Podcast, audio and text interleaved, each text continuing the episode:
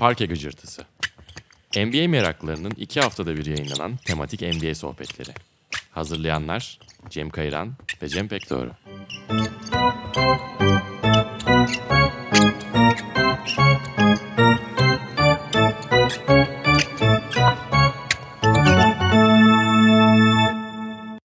Parke Gıcırtısı'na hoş geldiniz. Ben Cem Kayran. Programı Bantman Radyo'da başlattığımız programı yeni sezonda Sokrates Podcast ve Bantmak işbirliğiyle birlikte yapacağız. Programı da artık Cem Pekdoğru ile birlikte hazırlıyoruz. Selam Cem. Selam. Biraz programa çökmüş gibi oldum ikinci sezonda ama en azından yanımda ilk bölümde çok ağır bir konuk getirdim. Bir fenomen NBA'in Türkiye'deki sesi Orkun Çolak oldu aramızda. Ya abartmayalım. Hoş bulduk. Ee, Bugün aslında tuhaf takas hikayelerinden bahsedeceğiz NBA'deki. Çünkü yazı bitiriyoruz, yeni sezon yaklaşıyor ama gerçekten hani Anthony Davis'in uzun süredir beklenen bir takas sürecini sona getirdik bu yaz.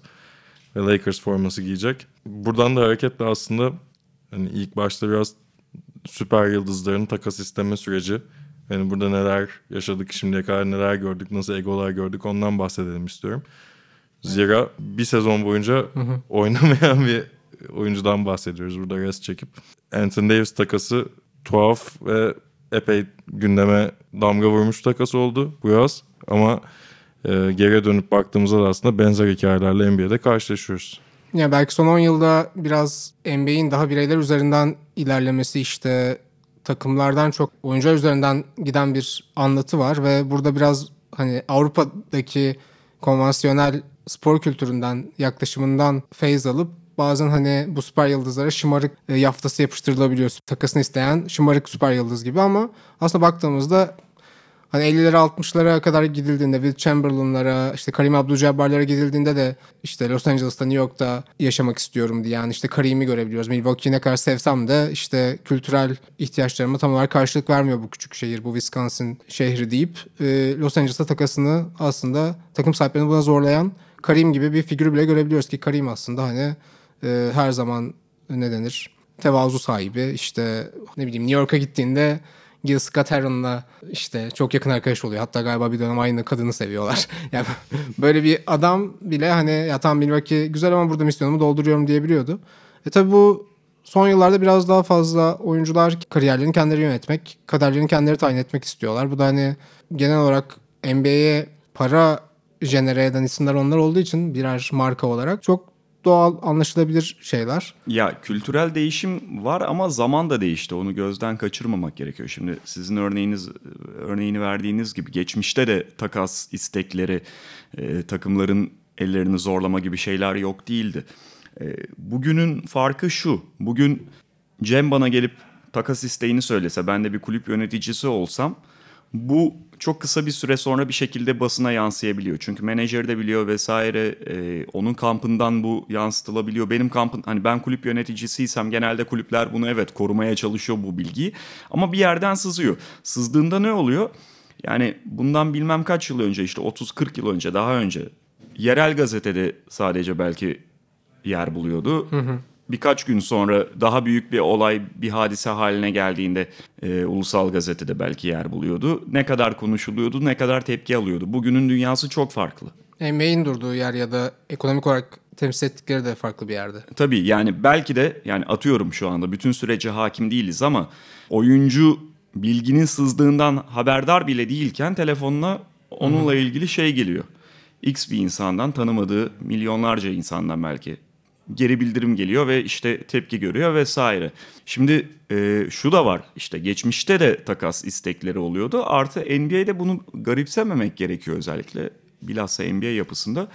Çünkü zaman zaman göz ardı ediliyor. Özellikle bugünlerde NBA'in çok işte oyuncu odaklı bir lig haline geldiği söyleniyor ki bu tamamen yanlış değil. Ama NBA oyuncuyu daha adım attığı, içeriye adım attığı ve kontrat imzaladığı andan itibaren daha doğrusu draft edildiği andan itibaren bir süreliği de kulüplerin hapsettiği bir sisteme sahip. Bu toplu iş sözleşmesiyle oyuncu birliği ve işverenler arasında anlaşması yapılmış bir durum. Yani nedir mesela? Sen Zion Williamson, LeBron James gibi çok büyük bir figür de olsan takımını seçemiyorsun ki. Zion Williamson'ın belki New Orleans'ta oynamakla alakası yoktu. Yani belki o da New York'u istiyordu. Ha- Hatta işte babası mı ne o konuda açıklama yapmıştı galiba.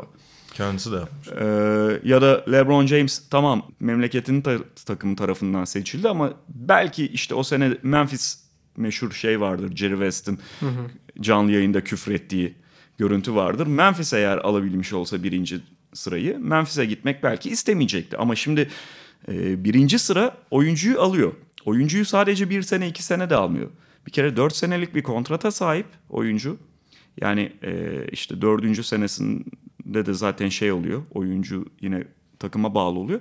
Ondan sonra da yeni bir kontrat imzalayacak diyelim. İşte sallıyorum Los Angeles geliyor.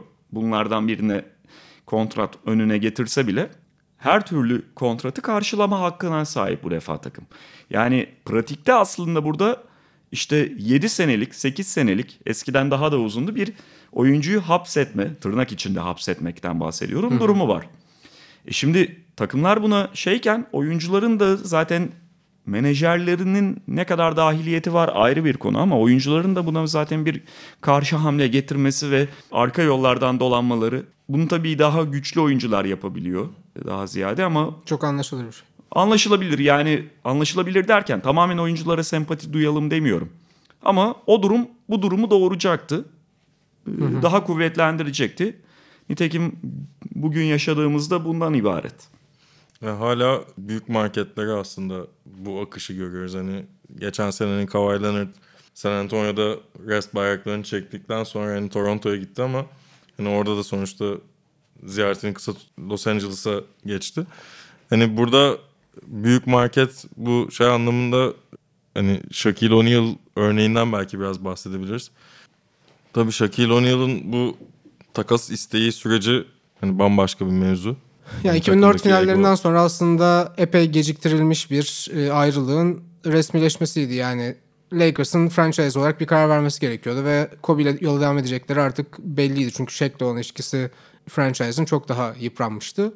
Ve Miami'ye e, işte Caron Butler, Brian Grant değil mi bu isimler? Evet, Ka- Lamar Lamar Odom. Karşılığında Bir de Future First var.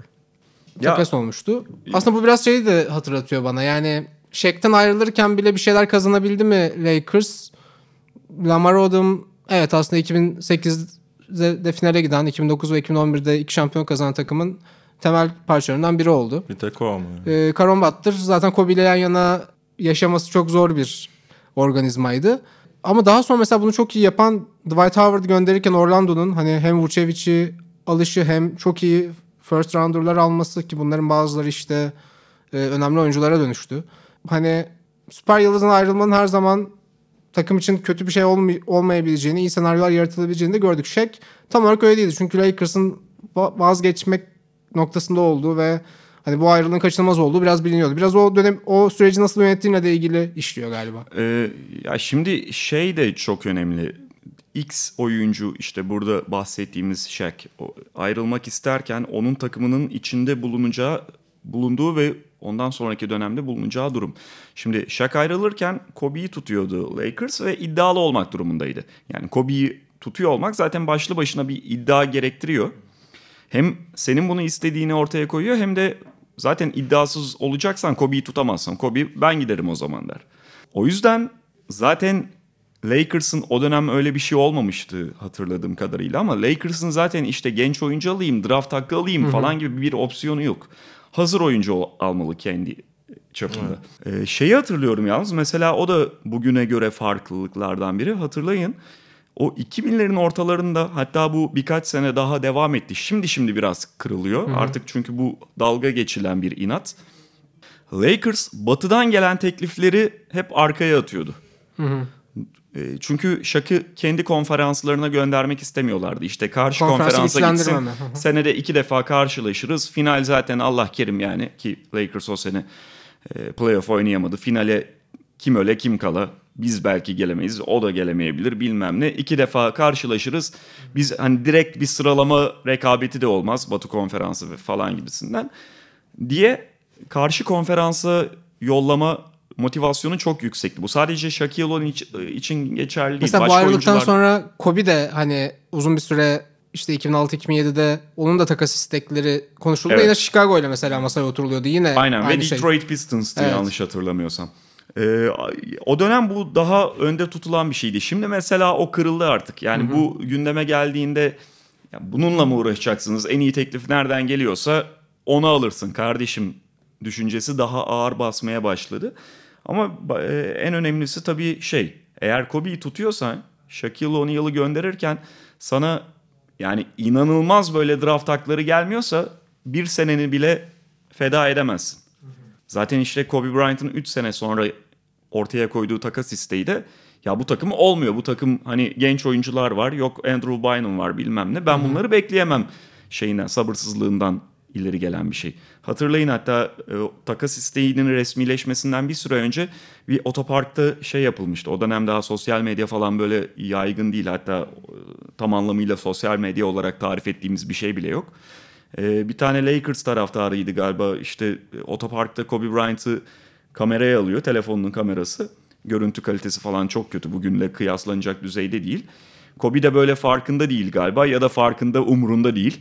Şey diyor ya Andrew Bynum kimdir, kimdir işte Jason Kidd varsa Jason Kidd'i alırsın kardeşim diyor ve küfürlü falan konuşuyordu. O dönem Jason Kidd'in Andrew Bynum'la takası söz konusuydu ve Lakers'ın işte Bynum'a öyle bir takasta vermek istemediği söyleniyordu falan. Sonra Kobe'yi rahatlatan da aslında 2008'in bir kış gününde yapılan başka bir takas oldu. Orkun Çolak olsan ada pazarındaydın diye hatırlıyorum bu takas Daha olduğunu. değildim İstanbul'daydım. Bizim Orkun'la tanışma vesilemiz olan aslında e, Batu.com ailesinin bir turnuvası vardı. Hatta Evet. Bir gün sonra gitmiştim hatırlıyorum. e, şeyi hatırlıyorum ama ben Lakers Türkiye forumları vardı. O zaman yine sosyal medya çağından öncesi. Bilgiye ihtiyaç duyduğumuz bir dönem Lakers Türkiye ailesi olarak ve Orkun'un online olmasını ve bir şeyler paylaşmasını bekliyoruz. Ama o turnuvada olduğu için internet herhalde çok şey değildi. Ama gerçekten bizi hayata bağlayan o dönem biraz daha Lakers'la daha yakın ilişki içerisinde olduğumuzu söyleyebiliriz herhalde ikimiz için de. Biraz daha bunu dert ediyorduk. Lakers'ı kurtarma planlarını. Evet. O takastan da mesela sen neler hatırlıyorsun? Tabii en akla gelen şeylerden biri Marc Gasol'ün Kardeşlerin. Kardeşlerin el değiştirmesi. Marc Gasol henüz gelmemişti NBA'ye ama e, Yani draft olup onun hakları. Evet, abisinin takımına takas oldu. Lakers'ın Shaq'tan sonraki o uzun boşluğunu Andrew Bynum'la doldurma şeyinde hani Paul Gasol'ün bence hani o takımda Shaq'tan sonraki süreçte iddialı bir uzun olarak belirdiğini görüyoruz. Mesela Pau Gasol takasında herhalde son yani 20 yılda benim takip ettiğim döneminde NBA'in en çok bir takastan sonra eleştirilen GM'lerden biriydi Chris Wallace. Yani sonrasında zaman onu haklı mı çıkardı? Marc Gasol'de gerçekten o potansiyeli görmüş müydü? Ya da işte Javaris Crittenton gelmişti. Ona mı çok fazla? Çünkü o da bir ilk tur seçimiydi. Ondan mı çok fazla bir şey bekliyordu ve çünkü sonrasında Chris Wallace şey dedi. Ya beni takım sahibi buna itmedi. Ben kendi irademle bu noktaya geldim ve daha önce de birkaç takımla konuştuğumda Lakers'ın teklifinden daha iyi bir teklifle karşılaşmadım. Hani pazar Pau Gasol için ne kadar franchise'ımızın rekor sahibi biri olsa da zaten franchise'ın geçmişi belli. Zaten Gasol'ü de bir draft günü takasında Şerif Abdurrahim karşılığında almışlardı ama ondan sonra yanına doğru dürüst kimseyi getiremediler. Yani Drew Gooden'ları falan hani yan parça olarak koydular. İşte Jason Williams Mike Bibby takası yapılmıştı. Çok yanlış bir takas oldu onlar için.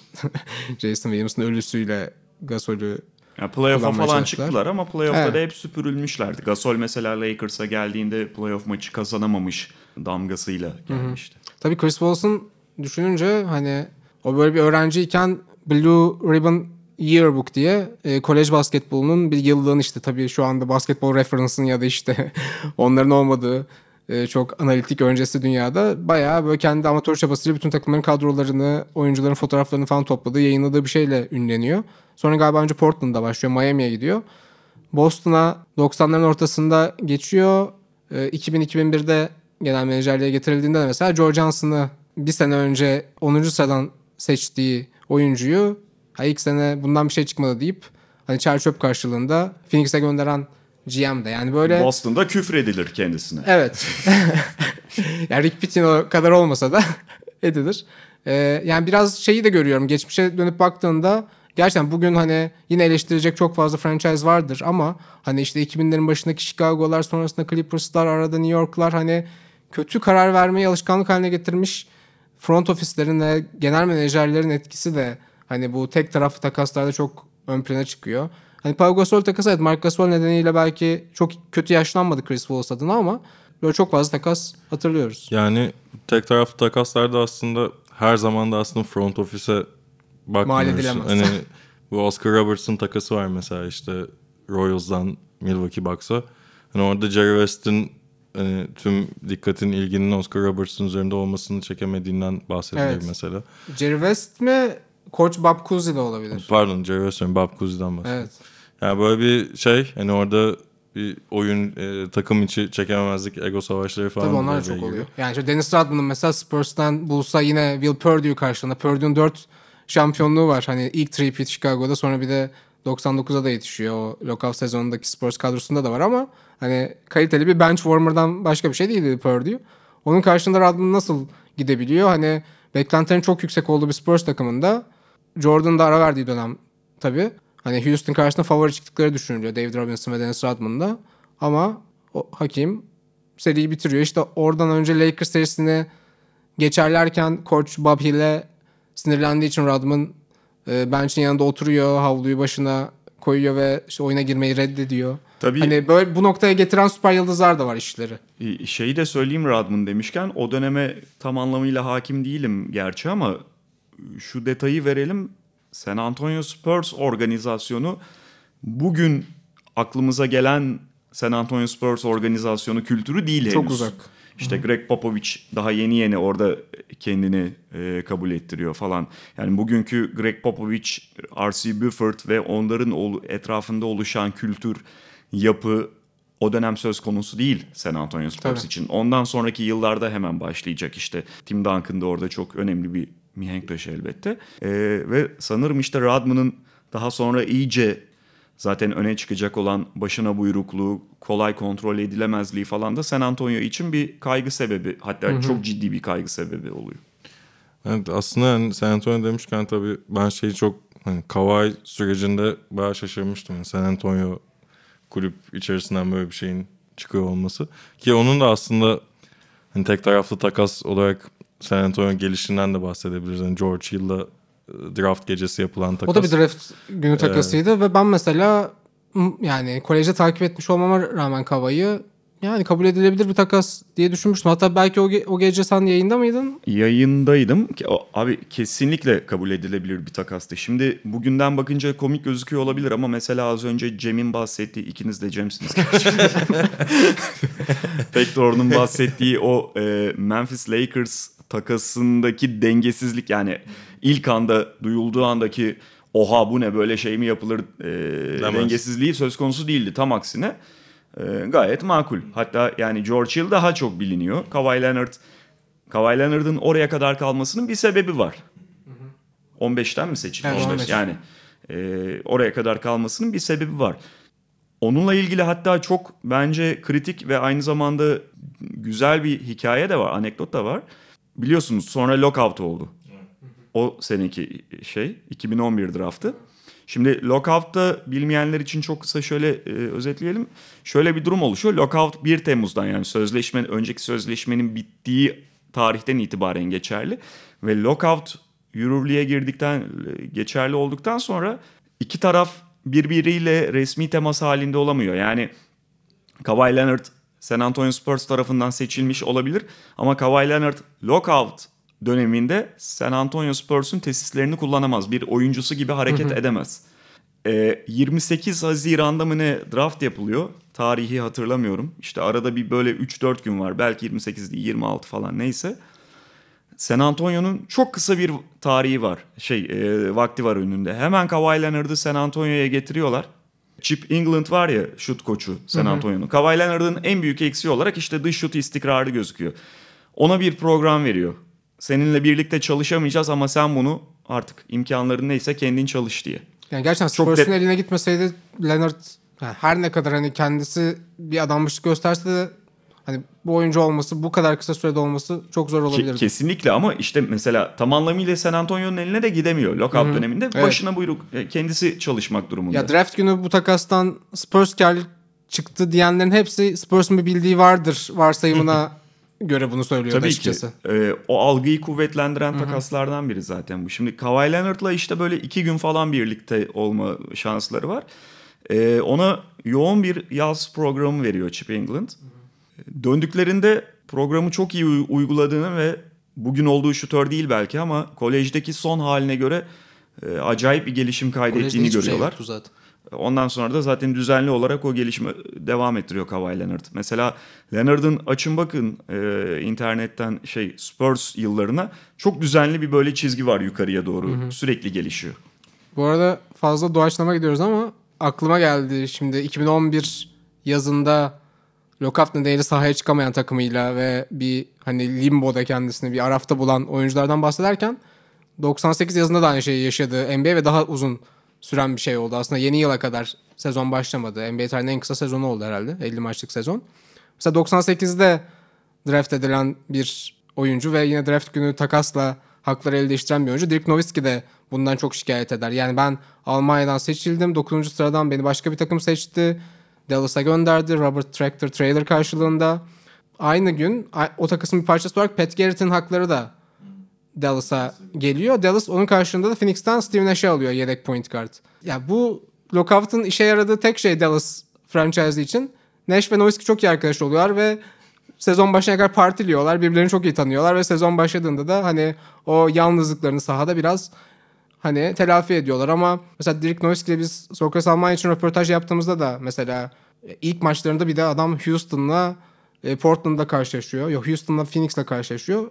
Hakim ve Charles Barkley benim en büyük kahramanlarımdı diyor ki zaten veda törenine de çağırdı. Zaten bir ayakları titriyor hani bir sayı çıktığı falan maçlar oluyor ilk aşamada ama gerçekten Dallas için de 98 yazındaki o draft günü o takas hani Robert Trader toprağı bol olsun Ee, bir kalp krizi sonrası ülkemizde de oynadıktan sonra Porto Rico'da oynarken galiba e, hayata veda etti.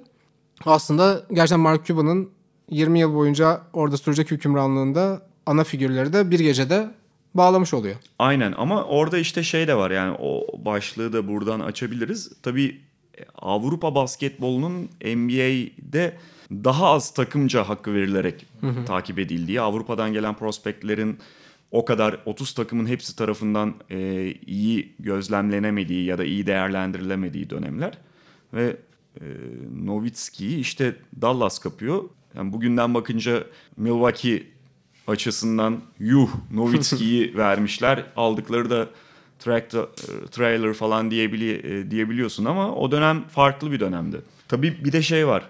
E, Her ne kadar Nash'le Nowitzki'yi seçmiş olsalar da tam anlamıyla bir Nash-Nowitzki dönemi gerçek anlamda olmadı. Yani küçük bir dönem ve daha fazla uzayabilecekken işte Nash'e yeterince güvenmedikleri için yarıda kalıyor. Zaten bugün Mark Cuban ne zaman o konuyla ilgili açıklama yapsa en büyük pişmanlığı olduğunu ya da en büyük pişmanlıklarından biri olduğunu söyler. O ikili en fazla konferans yarı finali yapabiliyor galiba değil mi? Evet ve hiçbir zamanda mesela Phoenix'teki o dönemi oyunu değiştiren Steve Nash gibi gözükmedi Dallas forması altında. İyi bir point guard'tı. All-Star bir point guard'tı ama hiçbir zaman oyunun en iyilerinden biri olmadı. Hem de aslında oyuna benzer şekilde yaklaştığını söyleyebileceğimiz Dan Nelson'ın takımında yine aslında çok dizginlenmeden oynamasına rağmen dediğin gibi D'Antoni'de çok büyük bir fark yarattı. Çok Tabii büyük bir- ama şeydi mesela yani o Dan Nelson'ın takımında şey vardı. Nowitzki'nin yanında Eric Dampier oynuyordu. Ve Dampier dönemin en azından mesela kontrat sezonunda gerçekten en iyi uzunlarından biri demeyeceğim ama değerli uzunlarından biri. Çünkü oluyordu. o, o gün onu gerektiriyor. Bir kere abi bu futbolda da böyle, basketbolda daha çok böyle. Basketbolda tek bir oyuncunun etkisi çok daha dramatik olduğundan dönemin en iyi oyuncusu her zaman etrafını etkiler. E, o dönemin en iyi oyuncusu Shaquille O'Neal. Her sene MVP'yi almasa da Shaquille O'Neal'dı. Ve Shaquille O'Neal varlığı söz konusuyken bir kere her takımın pivot pozisyonu Shaquille O'Neal'ın kütlesine karşılık verebilecek kim var elinde sorusu üzerinden Tabii Cemal. Magloire geldi, Samuel Delenber geldi o dönemlerde. Trailer'da belki değerli kılan buydu. Yani a- elbette aynen öyle. Aynen öyle. Kalın uzun çok değerli bir şey. Dampier Shaquille O'Neal'la çarpışabildiği için ya bir kere kafadan bu bak. Sıfır rebound, sıfır sayıyla maçtan çıksın. Shaquille O'Neal'ın omuz darbelerine karşılık koymak başlı başına bir değer katıyordu ee, uzunları. Şeyi falan hatırlayın Scott Pollard'ı falan yani. Ee, öyle değerlendirmek lazım yani. Bir başka draft gecesi takası daha var bence değinmemiz gereken. Ee, Kyle Korver hikayesi. New Jersey Nets aslında en şaşalı dönemi Nets'in. Jason Kidd'le e, Kerry Kittles'la Kane Martin'le takım. Ve 2003 draftı Kyle Korver ki o drafttan hala ligde olan iki oyuncudan biri. Şu an Carmelo hala sözleşme imzalamadığı için. Ee, 50, 51. sıradan seçiliyor Kyle Korver.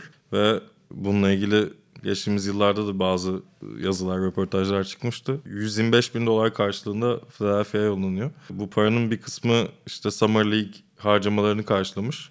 Ama bilinen bir şey de var. Yani bunu Kyle Korver da bir röportajında söylüyor. Hani o paranın artan geride kalan bütçeyle de bir fotokopi makinesi alınmış. Ee, Xerox takası. ve hani Corver'ın Philadelphia'da hani yani bir anda bir yıldız olduğu gibi bir şey söylemeyeceğim tabii de hani çok uzun süreler en güvenilir şutörlerden biriydi. Yani NBA'deki bu bilinçlenme daha analitik e, tool'ların kullanılması ve hani karar verme süreçlerinin geliştirilmesi mesela şunu da değiştirdi. Şu geleneği de. İkinci tur draft hakları e, gazoz parasını elden çıkaracağın şeyler değildir. Geçmişte bakıyoruz 80'lerin sonunda Mark Price mesela para karşılığında ikinci turdan seçildikten sonra bırakılmış ve Cleveland tarihinin hani LeBron James'e kadar en önemli oyunculardan biri oldu. Ya da işte James Worthy'nin takas hakları bu şekilde el değiştirmiş.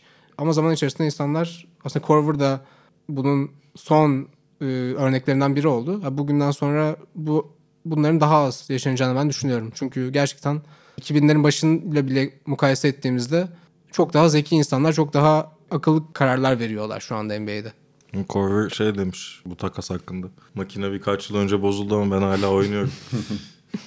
Bu arada Jason Kidd de takasla o takımın Nets'e geçiş yapmıştı. O da bir Kidd Stephen Marbury takası. Benim böyle Marbury'yi çok sevdiğim dönemlerdi ve Starbury. işte işte Phoenix'in aradığı şey diye düşünüyordum. Mesela çok tabii Phoenix'in Marbury ile ilgili herhalde tek güzel anı hani San Antonio serisinin o son saniye basketi geliyor. uzun süre jeneriklerde izlemiştik onu. Bir de Dream Team'le İstanbul'a gelmişti galiba Marbury onu da hatırlıyorum. Şu anda Çin'de krallığını sürdürüyor. Ya biraz işte bu değişen şeyle birlikte bu oyuncuların takaslarının gerçekleştiğini takımdan değil de böyle sosyal medyadan, televizyondan, haberlerden öğrenmek falan gibi şeyler var. Yani bu her alanda konuşabileceğiniz bir farklılık aslında. Hani bu sosyal medyayla girdi, şöyle oldu, böyle oldu. Ama 2004'ten bir örnek. Yani bu takas zaten her şeyle bence çok ilginç bir hikaye. Hani Rashid Wallace'ın Atlanta'ya tek maçlık uğraması, o maçın en skorer oyuncusu olması ve sonrasında bir anda Detroit'e takas olup hani şampiyon olan takımı tamamlaması hikayesi. Rashid'in Atlanta forması eBay'de çok iyi bir paraya satılmıştı diye hatırlıyorum. bir rarity olarak. Şey orada mesela şey ilk maçtan sonra ertesi gün sanırım hatta Miami'deler galiba deplasmanda bir maça gidiyorlar. Stephen Jackson'la bir barda otururken televizyonda altyazıda okumuş takas olduğunu Detroit'e mesela. Bu artık günümüzde çok hani başta da bahsettik hani her şey çok değişti. Hani her şeyi takip edebiliyoruz. Tüm söylentiler ortaya çıkıyor vesaire. Yine başa döner, dönersek AD takasında da hani Lonzo Ball ve Josh Hart birkaç kez hani bu takası biz Twitter'dan öğrendik diye. Yani çok uzun süredir gündemdeydi. Hani bekliyorlardı muhtemelen takas olmayı ama bu da ilginç bir şey. Hani ki bu sadece şeye de olmuyor. Hani böyle görev adamlarına falan da olmuyor. Black Griffin de Clippers'ın franchise oyuncusuyken Detroit'e gittiğini bu şekilde öğrendiğini açıklamıştı. Hani biraz burada e, önümüzdeki programlarda da konuşacağımız bir hani sadakat, aidiyet hadisesi var ama şeyde hani sosyal medyanın, internetin bugün gelmiş olduğu nokta ve NBA'ye olan etkisi de bence göz ardı edilmemesi gereken bir şey. Ya oyuncu buna üzülebilir de çok da ağlayacak bir durum yok. Bu çok normal abi. Yani işte Blake Griffin'i Clippers eğer takas etmeye yönelik bir düşünceye girdiyse bunu Blake Griffin'e çağırıp bildirme durumunda zorunluluğunda değil ki. Aksine saklaması lazım saklayabildiği kadar. Yani Blake Griffin'e ya bak biz senin için e, şu şu takımlarla görüşüyoruz anlaşırsak seni takas ederiz diyemez ki. Yani niye desin ya da. Bu oyuncunun performansını olumsuz etkileyebilecek bir şey ya da işte belki de sahaya çıkmayı da reddedecek her neyse. Yani bir noktada da karşı takımla el sıkıştığında sonuçta sadece kendi kontrol edemiyor. Karşı taraftan sızabilir. X başka bir yerden, menajerden sızabilir. Her yerden sızabilir. Yani çok da bu böyle e, gönül koyulacak, kırgınlık sebebi olacak bir şey değil bence. Özellikle bugünün dünyasında hakikaten. Çünkü e, bir anda işte belli gazetecilerin, Adrian Wojnarowski'nin, Shams Karanian'ın falan telefonuna mesaj olarak gidilebili- gidebiliyor bilgi. Ya işte bu şeyde Blake Griffin de aslında benzer şeyler söylüyor. Yani basketbol artık bir iş gibi açıklamaları oldu ama Steve Ballmer'la el sıkışmaktan kaçındı. Yine de Clippers'a deplasmana gittiklerinde. Buradan istersen şeye de geçelim. Hani Lakers'ı başta biraz konuştuk ama hani Kobe'nin o belki de son dönemini daha iyi bir şekilde geçirmesini sağlayabilecek bir takasın veto edilmesi süreci. Ben buna benzer başka hikaye hatırlamıyorum aslına bakarsanız. Hani NBA yönetimi tarafından veto edilmiş bir Evet takas. ilk ve tek oldu. Onun da tabii hikayesi ilginç. Ee, yine geriye dönük bakıldığında bugünden işte şey yorumları çok yapılıyor biliyorsunuz. Biraz da böyle artık sosyal medya çağında bire bin katma falan çok tercih edilen bir şey olduğu için. işte NBA Lakers'ın önünü kesmek istedi bilmem ne. Tam olarak öyle değil. Yani Chris Paul e, Lakers'a takası için Los Angeles Lakers ve New Orleans anlaşmıştı o zamanki ismiyle New Orleans Hornets. Şimdi orada çok önemli bir detay var. New Orleans satış aşamasındaydı ve lig yönetimine, e, lig yönetiminin kontrolündeydi. Birine satacaklar, o dönemi kon- kontrol ediyorlar. Dolayısıyla takımın sahibi David Stern gibiydi. Yani kararları David Stern ve lig yönetimi alıyor. Kayyum atanmıştı diyebilir miyiz? Öyle bir durum sen? vardı. Ve e, şimdi işte o genel menajer Del Dems'ti değil mi? hı, aynen. Del Dems operasyonu yapıyor. Tabii ki kendi başına buyruk kimseye haber vermeden falan değil. O anki patronu olan lig yönetimiyle ilet- iletişim halinde bunu yapıyor. Önce kabul ediliyor. Belli ki David Stern'ın NBA'in rızası da alınarak e, kabul ediliyor. Ancak tam o dönemde lockout sonrası dönemin zamanı ruhu çok farklı. Ee, çok büyük tesadüf tam şey var o gün galiba aynı gün Board of Governors yani bu takım sahiplerinin toplanıp işte o dönemle ilgili toplu iş sözleşmesinde konuştukları, belli kararları aldıkları falan, kendi aralarında belli şeyleri oylamaya sundukları toplantı var. Ve orada en başta galiba Cleveland Cavaliers'ın sahibi olan Dan Gilbert olmak üzere özellikle küçük pazar takımları, onların sahipleri itiraz belirtiyor memnuniyetsizliklerini belirtiyorlar. Çünkü 2012'deki o yani 2011'de başlayan lockout'ta en önemli konulardan biri şeydi. Miami Heat'in e, LeBron James, Dwayne Wade, Chris Bosh'ı bir araya getirmesiyle de e, iyice coşan biçimde işte bu süper takımlar oluşuyor. Carmelo Anthony New York'a takasını istiyor. Şöyle oluyor, böyle oluyor. Büyük pazarlarda, büyük şehirlerde büyük oyuncular toplanacak. E o zaman küçük takımlara ne olacak? Biz o zaman ne için mücadele edeceğiz itirazları vardı. Lockout'ta da e, takım sahipleriyle oyuncu sendikası arasında bu konularda çok ciddi problemler vardı. İşte oyuncular çok kazanıyor, haddinden fazla kazanıyor, o kontratlar bize dert oluyor falan gibi şeylerin yanında. Şimdi tam lockout bitti birkaç gün sonra bu durum yaşanınca e, bir tane daha mesela küçük pazardan oyunun en büyük yıldızlarından biri Chris Paul. O dönemin en büyük oyun kurucusu. Lakers'a gidiyor. Kime gidiyor? Los Angeles şehrine gidiyor. Şey oldu. Hayda e, hani hani bunu e, engelleyecektik durumu oldu. Tabii ki bunun resmi bir açıklaması yok. Ama tam onun üzerine vetonun denk gelmesi açıkçası şu tabloyu ortaya çıkarıyor. Yani başta Del Dems patronu o dönemki patronu olan David Stern'ın rızasıyla birlikte Lakers'la el sıkışmıştı. Ama bir anda Lakers şey David Stern diğer takımların özellikle bazılarının e, sahiplerine karşı kendini kö- köşeye sıkışmış hissetti ve veto etti. Durum budur. Ligin istikbali adına karar vermesi gerektiği düşüncesiyle o istikbal değişebiliyor. Sonrasında David Stern'e bu sorulduğunda şey dedi. Ben zaten kabul etmemiştim dedi. Ve bu arada mesela şey de onu da söyleyeyim. Lakers'ın New Orleans'la yaptığı takası Houston'da dahildi. Goran Dragic, Scola, Martin, Odom falan baktığında daha ne falan diyenler oldu. Ama New Orleans'ın aslında orada yani New Orleans normalde sadece e, kendi istikbalini falan düşünerek hareket etse bana bunları verme demesi de normal. Ben ona bir şey demiyorum. Çünkü bu oyuncularla bir playoff takımı olabilirsin ama geriye adım atıp lotaryaya yönelik hamle yapmak çok daha mantıklı. Nitekim daha Sonra sonra, onu yaptılar. Hem Eric Gordon'u aldılar. Eric Gordon her ne kadar New Orleans'ta tam beklentileri karşılayamasın da hem de e, kötü, 2012'de. kötü dereceleri onlara Anthony Davis olarak döndü. O daha mantıklıydı. Ama o işin ayrı bir yönü e, takasın reddediliş şekli bambaşka. Bir de Eric Gordon'ın oradaki hikayesi takası öğrendiğinde hani Clippers takası yaptığı esnada açıklandığı sırada Clippers taraftarlarıyla bir takım otobüsündeymiş Eric Gordon. Ve hani böyle kombine kart sahipleri böyle bir tur yapılıyor. Sonrasında da işte acı çekiyordu. Hani orada mahsur kalmış gibiydi falan gibi. Ben şurada ineyim falan. Müsait bir yerde.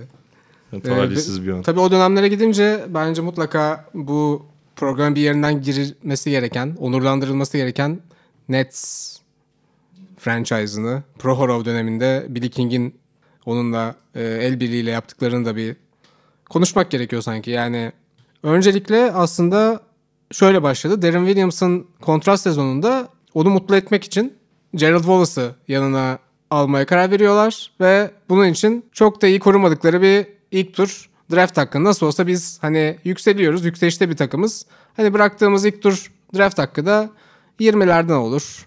Belki onların sonundan olur güveniyle. İlk olarak Jared Wallace'ı getiriyor ki Jared Wallace artık yavaş yavaş hani kadavraya dönüşmüş bir halde geliyor. E, bir yıl sonra asıl büyük hareketi de Paul Pierce ve Kevin Garnett'i bir araya getiriyoruz. Boston'da müthiş işleyen, franchise'e yıllar sonra şampiyonluk getiren oyuncuları. Şimdi Gerald Wallace büyük salaklıktı. Hakikaten yani o dönemde de ben aynı şeyi söylediğim için şey yapmıyorum. İlk üç Geri- korumalı bir hak veriyorlar. 6 O oluyor Damian Lillard Damian. Lillard'a dönüşüyor. Ya Portland'ın en büyük vurgunlarından biri. Bir de aynı sene oluyor mesela. Yani Nets o kadar tartamıyor ki hani önündeki birkaç ayı bile. O lockout'lı yani kısa sezon olması Bunlar lazım. aynı yazma oluyordu.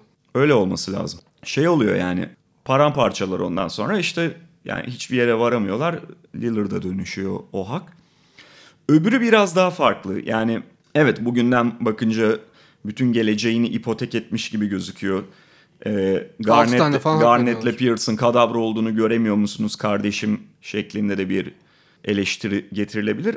Ama Garnett'le Pierce o kadar çabuk ölecekleri belli oyuncular değildi. Garnett'le Pierce'ın son sezonları Celtics'te yani en iyi dönemleri o 2008-2009 dönemleri gibi topçular değildi Garnett'le Pierce artık. Ama hala tankta bir şeyler vardı, depoda bir şeyler vardı ve özellikle şeye o günün Nets'ine e, sadece teknik katkıları değil, mental de çok katkıları olabilirdi. Çünkü Darren Williams'la Brook Lopez hep biraz yumuşak kalıyordu. Şimdi Pierce'la Garnett'i oraya getirdiğin zaman hatta Joe Johnson da işte sonra şey yaptı. Pierce'la Garnett'in liderliği gerçekten teoride Darren Williams'la Brook Lopez'i çok yukarıya çekebilirdi. Lakin yani sahaya bir çıktılar Garnett falan çok keskin bir düşüş yaşamıştı. Pierce de öyle. Pierce de orada çok bir şey veremedi. Zaten mesela sonra Lopez'le falan da onları sahada tutmakta çok zorlandı. Koç Jason Kidd idi ve Jason Kidd Garnett'i 5 ya da Lopez ama Garnett Garnett'i 4 oynatmayıp 5'te kullanmaya falan Pierce'ı 4'e çekmeye e, çok yöneldi. Ya tabii işte zaman içerisinde yani retrospektifte baktığımızda bunların değişimini bu bakışımızı değiştiren şeylerden biri de aslında o draft haklarının neye dönüştüğü oluyor. Yani bu da tamamen aslında rastlantısal işleyen bir şey ama Boston o haklardan ikisini Jason Tatum ve Jalen Brown'a dönüştürdü.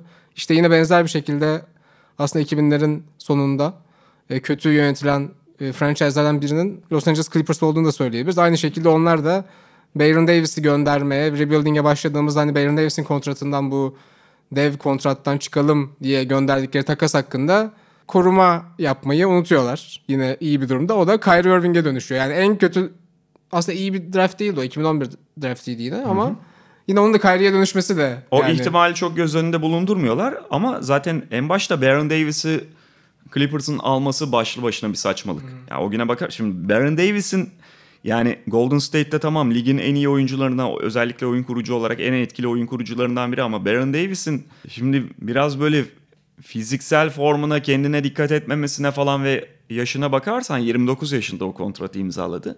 Abi elinde patlayacağı o kadar belli ki. Bir de hocam Hele Los hele- Angeles'a getiriyorsun. Ha, he- hele hele Clippers'a götür şey yaparsan. Memleketi falan diye Clippers ayrı bir hevesle gitmişti ama yani ben burada Film çekmeye başladı. ha e, yatarım zaten kafasıyla gelmiş. O çok belli oldu Clippers'ta oynamaya başladıktan sonra. Ufaktan toplasak iyi olacak gibi. Ee, Biraz eskileri isterseniz. Evet, ben biraz eskilerden bahsedeyim. Abi şey bir dönem var. Ben geçmişe gittikçe onu fark ediyorum. Gerçekten e, NBA'de takasın iki ya da daha fazla takım arasında gerçekleşen ve sonunda Boston Celtics'in kazandığı bir şey olarak işlediği yıllar var. En acayip örneklerinden biri yani bugünkü perspektifte hani bugünün dünyasında bir yere oturtmakta en çok zorlanacağımız bir Russell'ın Celtics'e geçmesi. Ki aynı yıl Tommy Heinsohn da yine draft ediliyor. Orada mesela şöyle bir, şöyle bir saçmalık var. Saçmalık değil ama hani dönemin şartlarında. Territorial pick diye bir şey getiriyorlar belli bir 10-15 yıllığına. E, draft başlamadan önce bölgendeki oyuncuyu bölgenden yani O bölgende kolej oynamış çocuğu. koleji oynamış, bölgeden çıkmış bir oyuncuyu sırandan bağımsız olarak seçebiliyorsun. Celtics bunu Tommy Heinsohn'la Holy kullanıyor. Cross'tan. Holy Cross'tan yine işte Bob Cousy'yi seçtikleri. Bill Simmons'ın da sevdiğimiz yazarlardan mezun oldu. Holy Cross'tan onu getiriyor. Ama territorial pick kullanırsan ilk turdan seçim hakkı alamıyorsun. Ve Red Auerbach o zamanlar hani çok önceden başlamış. İşte bir Russell'ı ben çok seviyorum. Birinci sıra hakkı bende olsaydı onu seçerdim diye. İlk sırada da Rochester Royals, Royals. var. Ee, ilk olarak O hakkı alıyorlar değil mi onlar? Alıyorlar. Sen-? İki Louis numara Hawks'ın hakkını, hakkını alıyorlar. iki numara hakkını St. Louis Hawks'tan alıyorlar. Ama birinci sıradan seçmeyeceğine dair Rochester Royals'ın bir güvenceleri yok. Bir Russell kolejden zaten gümbür gümbür geliyor. Hani net bir şekilde en iyi oyuncusu olarak işte San Francisco mezunu ve hani o dönemde San Francisco yakınlarında hangi takım var bilmiyorum ama onun da territorial pick olarak kullanma, kullanmasında küçük bir ihtimal olduğunu düşünüyor Auerbach. Yalnız şöyle bir durum var. Rochester Royals bir Russell'ı seçecek. Hani seçme ihtimali yüksek. Burada ne yapabilirim diye Red Auerbach düşündüğünde takım sahibi aynı zamanda o dönem ünlü bir buz sirki var. Buz pateni gösterisi yaparak ülkeyi dolaşan Ice Capades adında. Ve Celtic sahibi bu gösterinin de sahibi. hak- Yani sahiplerinden biri. Şu kadarlığına size göndereyim diyor. Evet salonunuzu işletmek için NBA'den çok daha kazançlı Çünkü bir yöntem. o dönem çok daha önemli şeyler tabii, bunlar yani. Çok az e, hasılat getiriyor. Bunun üzerine aslında karar sürecini etkilediği rivayet ediliyor. Gerçi bu sadece Red Auerbach tarafından çıkan bir şehir efsanesi de olabilir. evet Çünkü takım şöyle bir durum var. sahiplerine o konuda ulaştıklarında bir onay alamamış. E, şeyin de etkisi olduğu söyleniyor geriye dönük bakanlar. O dönem ilginç bir şekilde Melbourne'de olimpiyatlar var. Bir Russell olimpiyat kadrosunda olacak ve Ha, kışa kadar gelmeyecek. Güney Yarımküre'de olan ilk olimpiyatlar kış aylarında yapılıyor. Yani ciddi bir maç kaçıracak. O bir etken olmuş olabilir diyorlar. Aynı zamanda da o yıllarda hatırlarsınız Will Chamberlain da zaten bir dönem oynuyor Harlem Globetrotters kadrosunda. Bir Russell'la ciddi bir ilgisi olduğu Harlem'in ve NBA yerine orayı tercih edebileceği de konuşuyor. Yani böyle riskleri de düşünerek birinci sıradan bunu seçmiyorlar. İkinci sırada e, aldığı St. Louis Hawks'ın hakkıyla kimi verdiğini hatırlamıyorum ama çok hani üst düzey ya, takımın önemli oyuncularını veriyor. Ed McCauley vardı galiba. E, ama bu şekilde bir, bir Russell'ı getiriyor. Tommy Hansen aynı sene takıma giriyor. Ya e, gerçekten çok farklı dönemler. Şimdi o günleri birebir izlemedik falan hani bizim değerlendirmelerimiz elbette yüzde yüz isabetli olmaz da mesela baktığında o Boston Celtics e, hanedanlığının bu- bugüne göre hanedanlık kelimesi bile hafif kalıyor. Çünkü inanılmaz bir dominasyon var. Sürekli onlar şampiyon oluyor. Bunun ama sadece mesela Bill Russell'ın çok büyük oyunculuğundan falan kaynaklanmadığı acayip bir kadro oluşturdukları dönemde haddinden fazla bir rekabet avantajı falan sağladıkları ortada. Ee, Kaan Kural'ın hep söylediği ve zaten kabul gören bir tabir olan modern NBA şeyi vardır ya.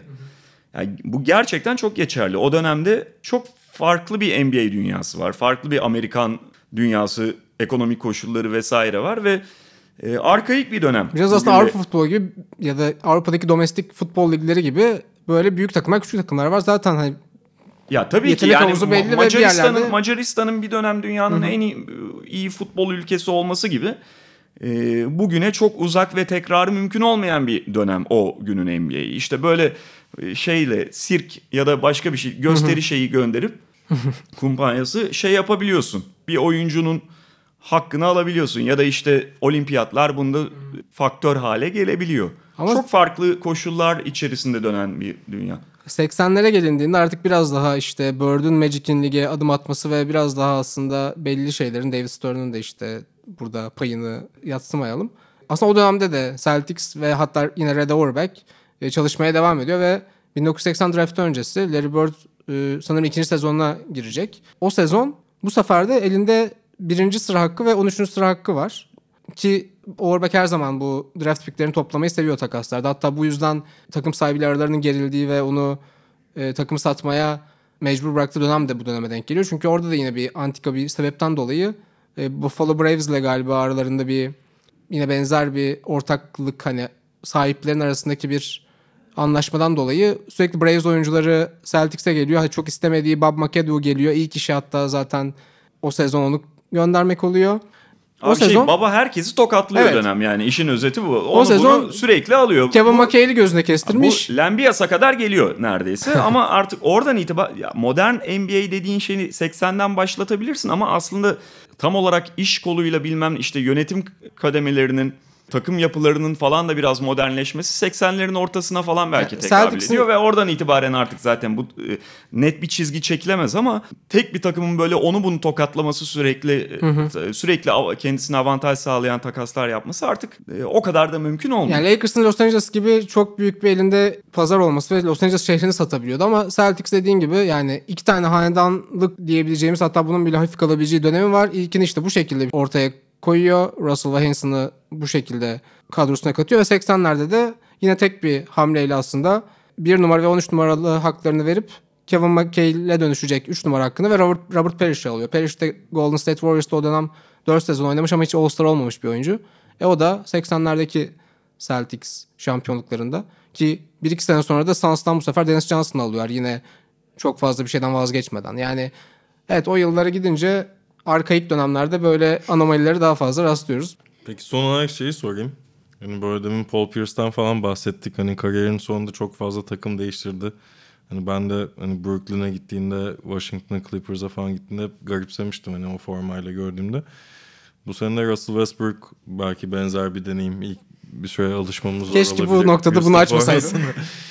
Sizin var mı böyle hani aklınızda hani şu formada gördüğüme çok şaşırdım. Ben de Hakim Olajuwon ve Patrick Ewing 2000'lerin başında birisinin Seattle'a Patrick Ewing'in gönderilmesi. Sonra Orlando'da da oynamış olabilir bir süre. E, Hakim'in de Houston'dan sonra hani orada bırakması gereken hani en o takımda bırakması gereken oyuncuydu belki de Toronto'ya gönderilmesi. Tam süreçleri hatırlamıyorum kim karşılığında neden gitti ama e, ya Gary Payton'ın Bucks'a gitmesi de beni mesela üzmüştü. E, Ray Allen'a dönüşen bir takasta. Seattle'a yeni bir dönem açılmıştı. O da işte takım sahibiyle Howard Schultz'la olan kavgasından dolayı olmuştu ama bunlar aklıma gelen ilk takaslar. Benim çok aklıma kazınan bir şey olmamış. Yani e, Cem'in verdiği, Pektor'un verdiği örnekler güzel ama yani e, çok böyle içime oturan ya da bir türlü alışamadığım çok aklıma kazınan olmamış ve özellikle hani günün koşullarında daha zaten alışmak kolaylaştı. Artık çok sıradanlaşan bir şey bu takaslar. E, hiç düşünmeyeceğin bir takıma da gidebiliyor herhangi bir oyuncu. O yüzden e, galiba artık çok kanıksadım. Ve geçmişe yönelik de kanıksadım gibi geliyor. Artık böyle ya şu takas da hay Allah nasıl olmuştu cık cık cık falan ya- diye düşünemiyorum. Bana Steve Nash'in Lakers formalı dönemi hala biraz tuhaf hissettiriyor ama. Tony Parker'ı geçen sene Charlotte formasıyla görmek evet. de biraz garipti. Yani gözünü bir tırmalıyordu. Teşekkür ederiz Orkun Çolakoğlu. Ben teşekkür İlk, ederim. ilk bölüm konuğumuz oldun. Cem Pekdoğru, Cem Kayran, Parke Gıcırtısı'ndan bu haftalık bu kadar. Ee, iki hafta sonra başka bir konu başlığı ve başka bir konukla tekrar burada olacağız. Teşekkürler.